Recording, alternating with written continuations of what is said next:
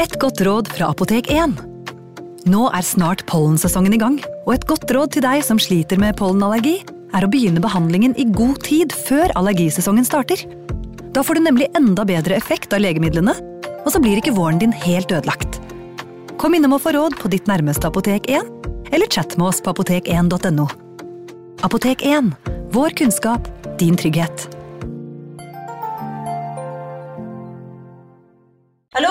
Jeg kommer fra Oslo politikammer.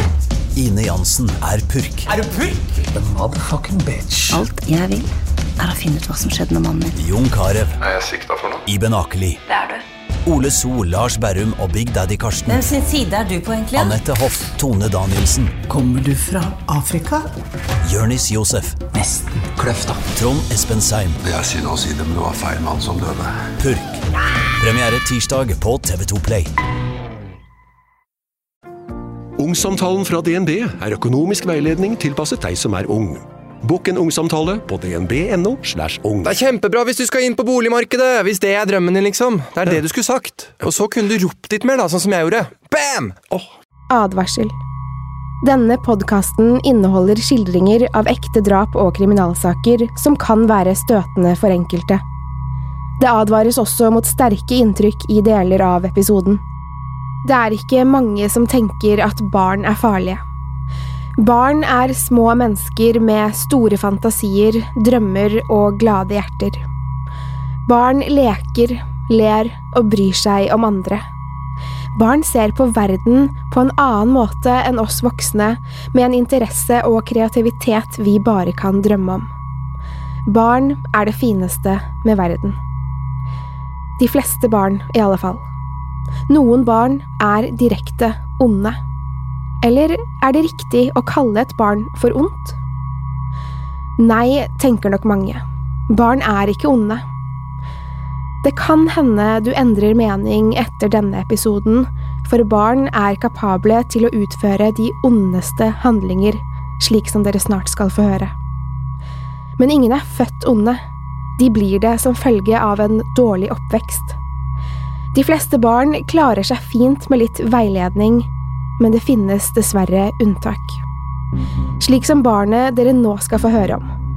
Et barn som dreper barn. En liten jente som egentlig skal leke med lekene sine, gå på skolen og lære seg nye ting. Denne jenta var interessert i døden, og hun drepte barn. Her er historien om Mary Bell, som ble dobbeltmorder i en alder av ti år. Velkommen til True Crime Poden.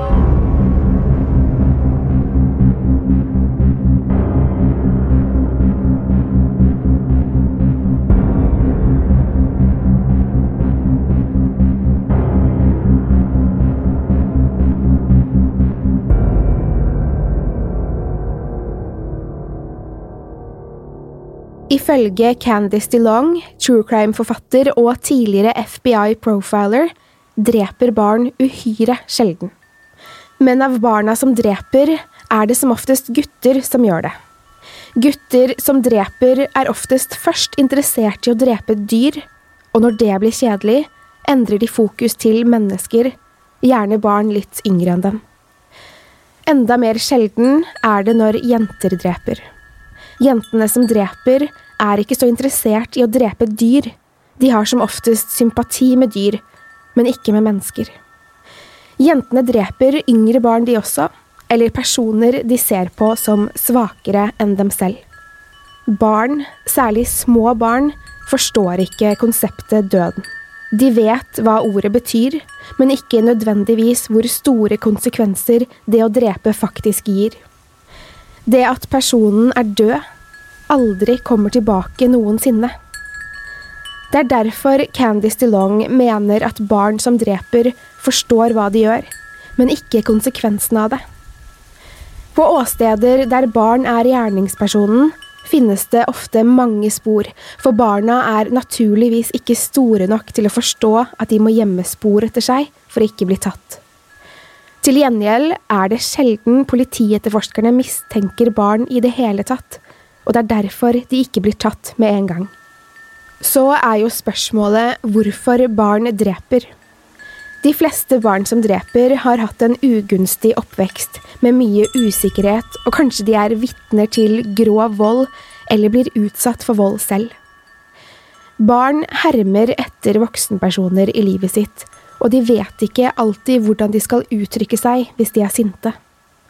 De kjenner følelsen av sinne, og kan ikke uttrykke seg annet enn på den måten voksenpersonen i livet deres uttrykker seg, som dessverre i mange tilfeller er med vold. Og vold, det er en ond handling. En handling som kommer av frykt, sinne eller hat. Når man hører hvordan Mary Bell sin oppvekst var, kan man forstå hvorfor det gikk som det gjorde. Det var så mange hendelser i det korte livet hennes før hun ble morder, som gjorde at sinne og hat var hverdagslige følelser for henne. Hadde noen oppdaget hvordan hun hadde det hjemme, ville kanskje drapene vært unngått, men det er lett å være etterpåklok. Mary Bell ble født den 26. mai 1957 i Northumberland, England. Moren hennes, Betty, var 17 år da hun fikk Mary, og var ikke interessert i den lille babyen. Betty hadde sluttet tidlig på skolen og livnærte seg som prostituert. Hun var kjent i byen for tjenestene sine og hadde mange kunder. Dessverre tok hun med nesten alle kundene sine hjem, så lille Mary fikk se moren jobbe flere ganger om dagen. Moren til Betty var interessert i sadomasochisme, og Mary fikk se moren sin piske og slå kundene sine. Det ryktes om at Mary ble tvunget av sin egen mor til å utføre seksuelle handlinger på noen av morens kunder allerede som syv-åtteåring. Det var nesten aldri mat hjemme, så Mary la seg sulten hver kveld. Hun gjorde det dårlig på skolen og fikk ingen hjelp med leksene. Mary stjal flere ganger på butikken, eksempel klær eller mat, ting som hun sjelden fikk hjemme. Betty brukte pengene hun tjente på alkohol og sigaretter, og syntes Mary var en plage. Jeg ville aldri ha deg, pleide hun å si. Flere ganger prøvde Betty å gi bort eller selge Mary til naboer og bekjente, for hun ville ikke ha datteren hjemme hos seg.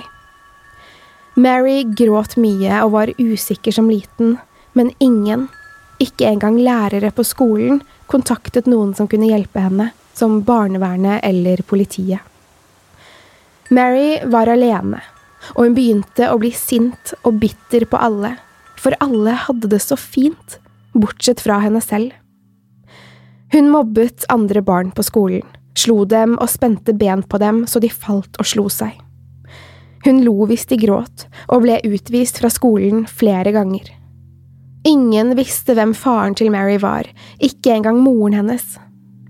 Mary drømte om at han var en snill mann som ga henne mat og klær, og ga en dag å få møte han.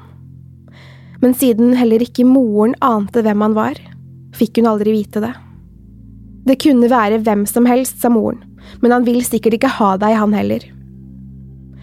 En gang prøvde Marys mor å forgifte datteren ved å gi henne altfor mange piller, men Mary kastet dem opp og ble ikke skadet. En vakker maidag på slutten av 60-tallet er fire år gamle Martin Brown ute og leker i hagen og på gårdsplassen ved huset sitt. Mammaen hans er inne på kjøkkenet og skal snart begynne på middagen. Hun pusler rundt i huset, henger opp rene klær til tørk og har ikke øyne på lille Martin hele tiden. Men hvorfor skulle hun det? Nabolaget var trygt, og alle kjente alle. Selv om de fleste var fattige her, var samholdet og naboskapet hyggelig og sammenknyttet. Mammaen til Martin ser ikke at ti år gamle Mary Bell går langs fortauet bort til Martin. Hun stopper og snakker litt med fireåringen, og han svarer henne, og de ler litt. Mary rekker hånden sin mot Martin og sier kom, så skal vi leke en spennende lek. Martin synes det hørtes spennende ut, og tar hånden til Mary. De går sammen nedover den solfylte gaten og bortover mot togskinnene. Rett bak den nedlagte togstasjonen ligger et forlatt hus som snart skal renoveres. Mary følger Martin inn i det forlatte huset. Det er ingen strøm der, bare lyset fra et knust vindu i enden av rommet. En ødelagt sofa og noen matter på gulvet er alt som er der. Mary ber lille Martin legge seg ned på gulvet. Han vil ikke, for det er litt kjølig og han har vondt i halsen. Mammaen hans har sagt at han skal være forsiktig, ellers kan han bli syk. Jeg skal gjøre halsen din bedre, sier Mary. Martin legger seg motvillig ned på gulvet, på ryggen, med ansiktet opp mot taket. Strekk på halsen, sier Mary før hun legger hendene sine om den lille guttens hals. Hun presser tomlene sine mot Martins strupe og klemmer rundt halsen så hardt hun klarer. Martin ser redd ut, og han prøver å ta vekk hendene hennes. Ligg stille, roper Mary til han. Hun klemmer hardere, så Martin blir rød i ansiktet. Han gurgler og prøver febrilsk å komme seg løs fra Marys grep, men hun gir seg ikke. Hun klemmer og klemmer rundt den lille halsen til Martin mens livet hans sakte ebber ut. Øynene hans er blodsprengte, og kroppen er slapp. Mary slipper taket og slår han i ansiktet et par ganger med en pinne, men han våkner ikke. Fire år gamle Martin er død, kvalt av en ti år gammel jente. Mary reiser seg og retter på kjolen sin før hun går ut av huset og tilbake samme vei som hun kom. Hun går rett hjem til sitt eget hus og setter seg på rommet sitt og begynner å tegne og skrive i dagboken sin. I mellomtiden begynner Martins mamma å lure på hvor Martin egentlig er. Han var jo nettopp utenfor. Hun håper han kommer hjem snart og setter i gang med middagen. Mens Martins mamma lager mat, kommer to bygningsarbeidere til det falleferdige huset ved den nedlagte togstasjonen. De skal renovere huset og går inn for å se på arbeidet de har foran seg. Huset er rått og kjølig, og ganske dunkelt med bare et knust vindu som lyskilde. De ser ikke så godt med en gang av kontrasten til det sterke sollyset utenfor. Likevel kan de skimte noe på gulvet. En liten skikkelse som ligger der. Fire år gamle Martin Brown ligger på gulvet, livløs. Han er helt hvit i huden, kjølig og med blod i ansiktet. Den ene av bygningsarbeiderne kjenner etter puls på gutten, men han er død. Ring politiet, roper han til kollegaen sin, og ikke lenge etter ankommer to patruljer. De tar seg inn og ser den lille gutten dø på gulvet. Han er fullt påkledd og har ingen synlige merker på kroppen, annet enn det lille blodet i ansiktet. Martins mamma hører politisirenene og ser de kjøre mot den nedlagte togstasjonen, som bare ligger to kvartaler unna hennes hus. Martin er ikke kommet hjem enda, og hun tenker det verste. Hun håper at han ikke har skadet seg, og løper mot politibilene. Det er masse folk der allerede. Noen gråter åpenlyst, og andre holder rundt hverandre. Politimannen, som bor noen hus nedenfor hennes og Martins, ser moren og råder henne til å ikke gå inn. Hun hører ikke på han, men sliter seg forbi sperringene og inn i det lille huset. På gulvet ser hun sønnen sin ligge der, kritthvit i huden. Hun forstår at han er død, og faller sammen på gulvet. Hun blir støttet opp og inn i den ene politibilen, mens liket av Martin blir tatt med til obduksjon. De har en morder løs i det lille nabolaget. Martins mamma og resten av familien intervjues på politistasjonen. De forteller alt de kan komme på, men ingenting uvanlig skjedde den dagen Martin døde. Han hadde vært ute og lekt som vanlig, men hadde ikke kommet hjem til avtalt tid. Ingen hadde sett noe, verken naboer eller andre. De hadde heller ikke hørt skrik eller gråt fra Martin. Politiet tror at Martin må ha blitt med noen som kjente han, eller noen han stolte på, noen som føltes trygg å bli med. For han var drept. Den foreløpige obduksjonsrapporten viste at kveling var dødsårsaken. Hjemme igjen etter intervjuene på politistasjonen sitter Martins mamma sønderknust. Noen har drept den lille gutten hennes. Hun bare sitter og stirrer fremfor seg i luften. Hun sitter slik lenge, spiser ikke, bare røyker sigaretter og drikker kaffe. Hun orker ingenting, hun vil bare ha gutten sin tilbake. På formiddagen, fire dager etter Martins død, ringer det på døren. Hun orker egentlig ikke åpne, det er sikkert naboer som kommer for å kondolere eller gi henne mat eller en klem. Hun vil egentlig ikke snakke med noen, men åpner likevel. Utenfor står Mary Bell og en venninne. Hei, vi lurte på om vi kunne få se Martin, sier Mary og smiler til Martins mamma. Hun sukker tungt og svarer. Martin er dessverre død, mens hun tørker en tåre. Jeg vet jo at Martin er død, sier Mary. Jeg vil bare se han i kisten. Martins mamma kan ikke tro hva hun hører. Sjokkert og forskrekket lukker hun døren uten å si noe mer til jentene. Nei vel, roper Mary Bell gjennom døren. Mary Bell har drept en liten gutt, og hun syns det var gøy. Hun forteller det til venninnen, at det var hun som gjorde det. Hun forteller det til moren sin også, men moren hører ikke på henne. Mary tenker tilbake på da hun drepte Martin, og setter seg ned for å tegne ham som han så ut der han lå. Hun ville ikke glemme det.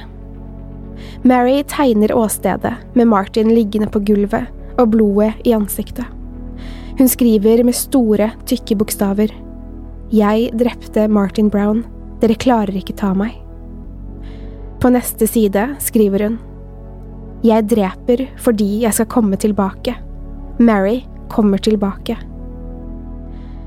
Politiet har ingen spor å gå etter. De aner ikke hvem som drepte Martin. Naboer og andre innbyggere er redde. De vil ikke at det skal skje noe med barna deres, og følger dem til skolen og lar dem ikke leke ute så lenge som vanlig.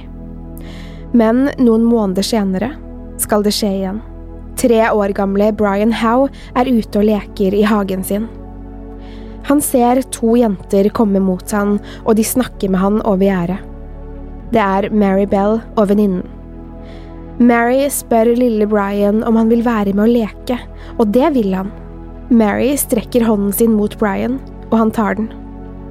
Han klatrer over gjerdet og blir med de to jentene mot skogen denne gangen. De går langt inn i skogen, og Brian spør om de er fremme snart. Ja da, svarer Mary og sier at han skal være stille. Når de er passende langt inne i skogen, så ingen kan se dem, ber Mary treåringen legge seg på bakken. Han vil ikke og begynner å gråte. Mary blir sint på han, og han legger seg ned til slutt. Mary sier at hun skal hjelpe han, og ber han strekke på halsen sin. Brian løfter haken, og Mary legger hendene om halsen hans, mens venninnen står bak og ser på. Mary klemmer til hardt, så Brian begynner å harke og gurgle. Venninnen hjelper til med å holde føttene og armene til Brian nede.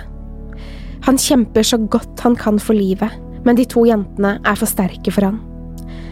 Det tar ikke lang tid før Brian er bevisstløs, men Mary fortsetter å klemme hardt rundt halsen hans. Etter hvert slipper hun taket, og Brian ligger der, livløs, død. Mary og venninnen ler, og Mary tar frem en saks. Hun tar av ham buksen og risser inn en stor M i låret hans. M for Mary.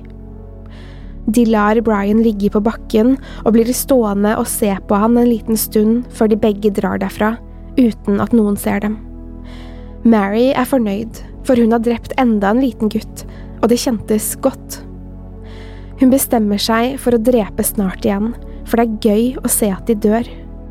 Politiet tror det er en sammenheng mellom drapene, begge guttene er blitt drept på samme måte.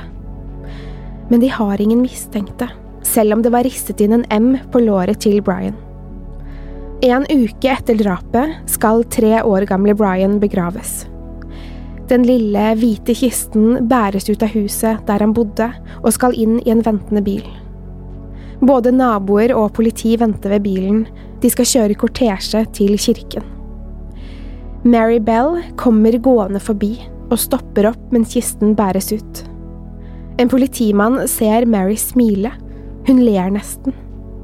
Han stusser over reaksjonen hennes og kommer plutselig på at Mary hadde spurt Martins mamma om å få se liket.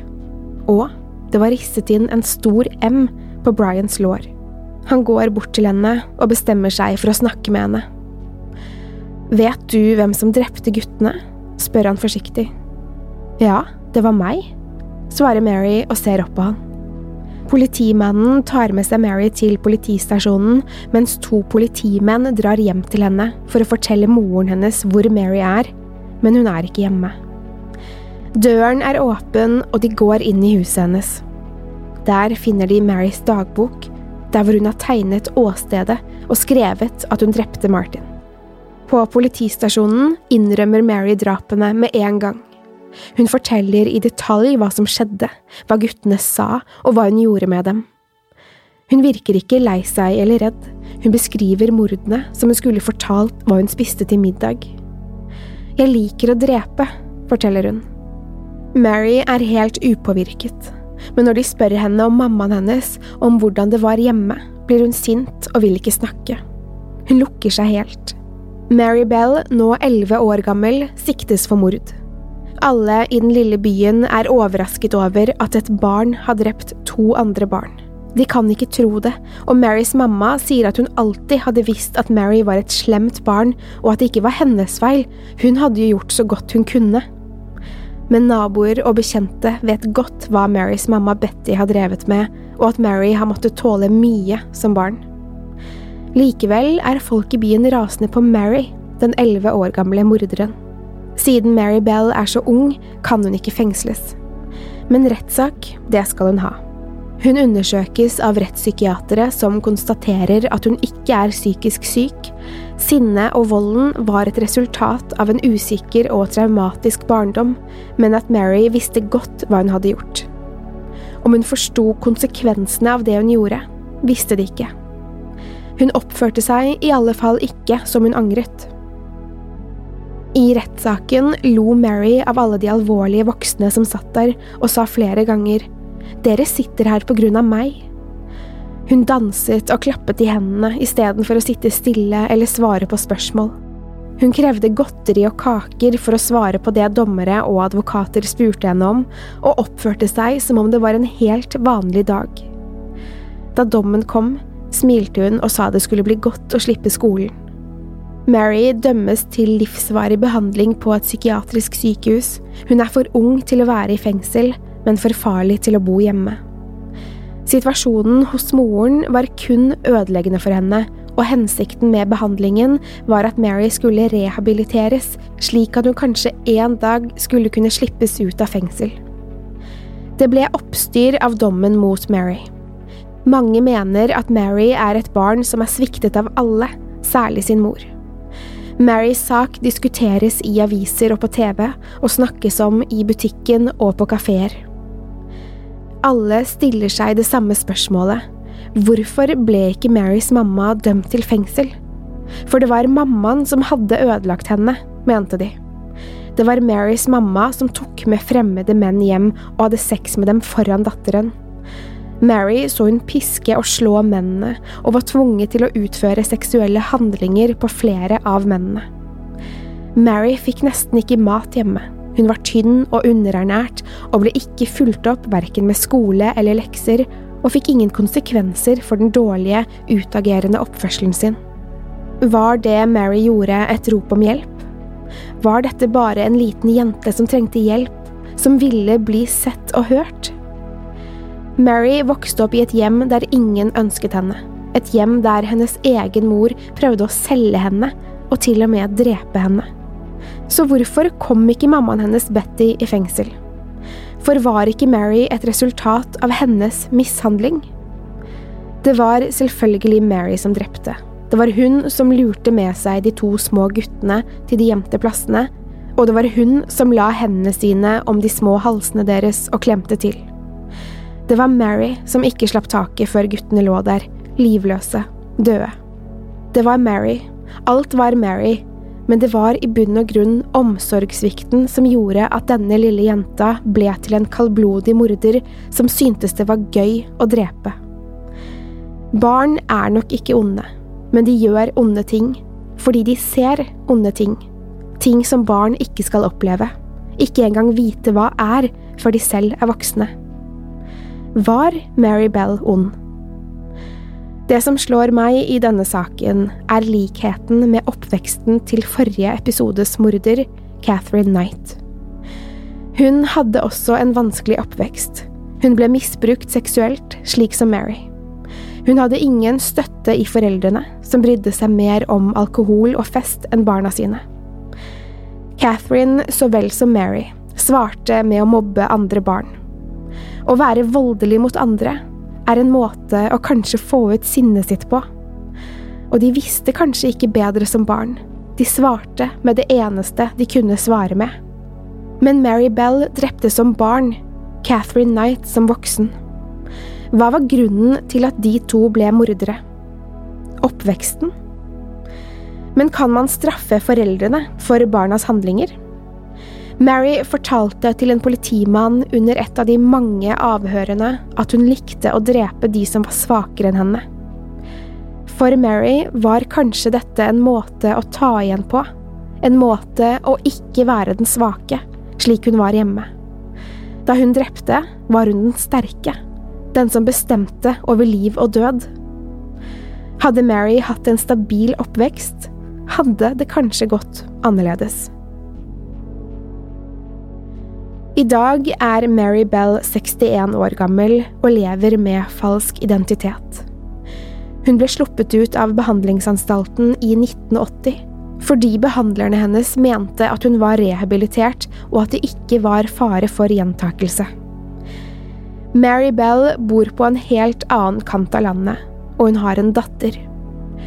Mary har ikke gjort noe ulovlig siden hun ble sluppet ut, og hun har ikke vist noen voldelige tendenser eller tegn på misbruk av noen sort. Hun ble rehabilitert. Men tilbake sitter to andre mammaer som mistet sønnene sine. De mangler hvert sitt barn av Mary Bell. De begge synes det var en stor fornærmelse at Mary ble sluppet ut etter litt over ti år, og synes hun burde ha vært innelåst resten av livet.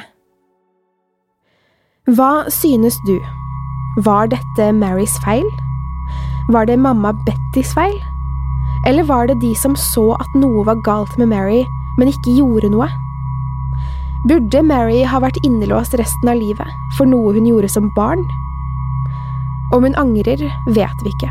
Om hun tenker mye på det hun gjorde, det er det ingen som vet. Men hun har aldri sagt unnskyld til de to mammaene som ikke fikk se barna sine vokse opp. Hun så aldri sin egen mamma igjen etter at hun ble arrestert. Vi legger som vanlig ut bilder om denne saken på Instagram. Der heter vi True Crime Norge. Vær gjerne med og diskuter hva du tror og mener om denne saken der. Jeg vil gjerne høre din mening. True Crime-podden forlater Storbritannia, og i neste uke høres vi igjen med en ny og spennende sak. Til neste gang, ta vare på deg selv, og takk for at du har hørt på True Crime-podden.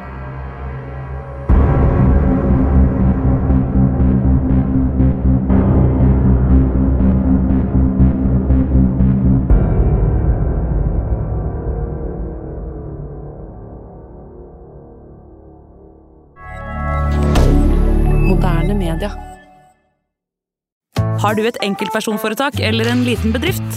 Da er du sikkert lei av å høre meg snakke om hvor enkelt det er med kvitteringer og bilag i fiken, så vi eh, gir oss her, vi. Fordi vi liker enkelt. Fiken superenkelt regnskap. Hei! Takk for at du lytter til True Crime Podden. Skulle du ønske at du kunne høre en ny episode av denne podkasten hver eneste uke? Vel, da er det bare å laste ned podkastappen Untold med en gang. I tillegg til ukentlige episoder av podkaster som Skrekkpodden, Synderne og Henrettelsespodden, får du masse annet reklamefritt og eksklusivt innhold. Last ned Untold i AppStore eller Google Play, og start din 30 dagers prøveperiode i dag. ett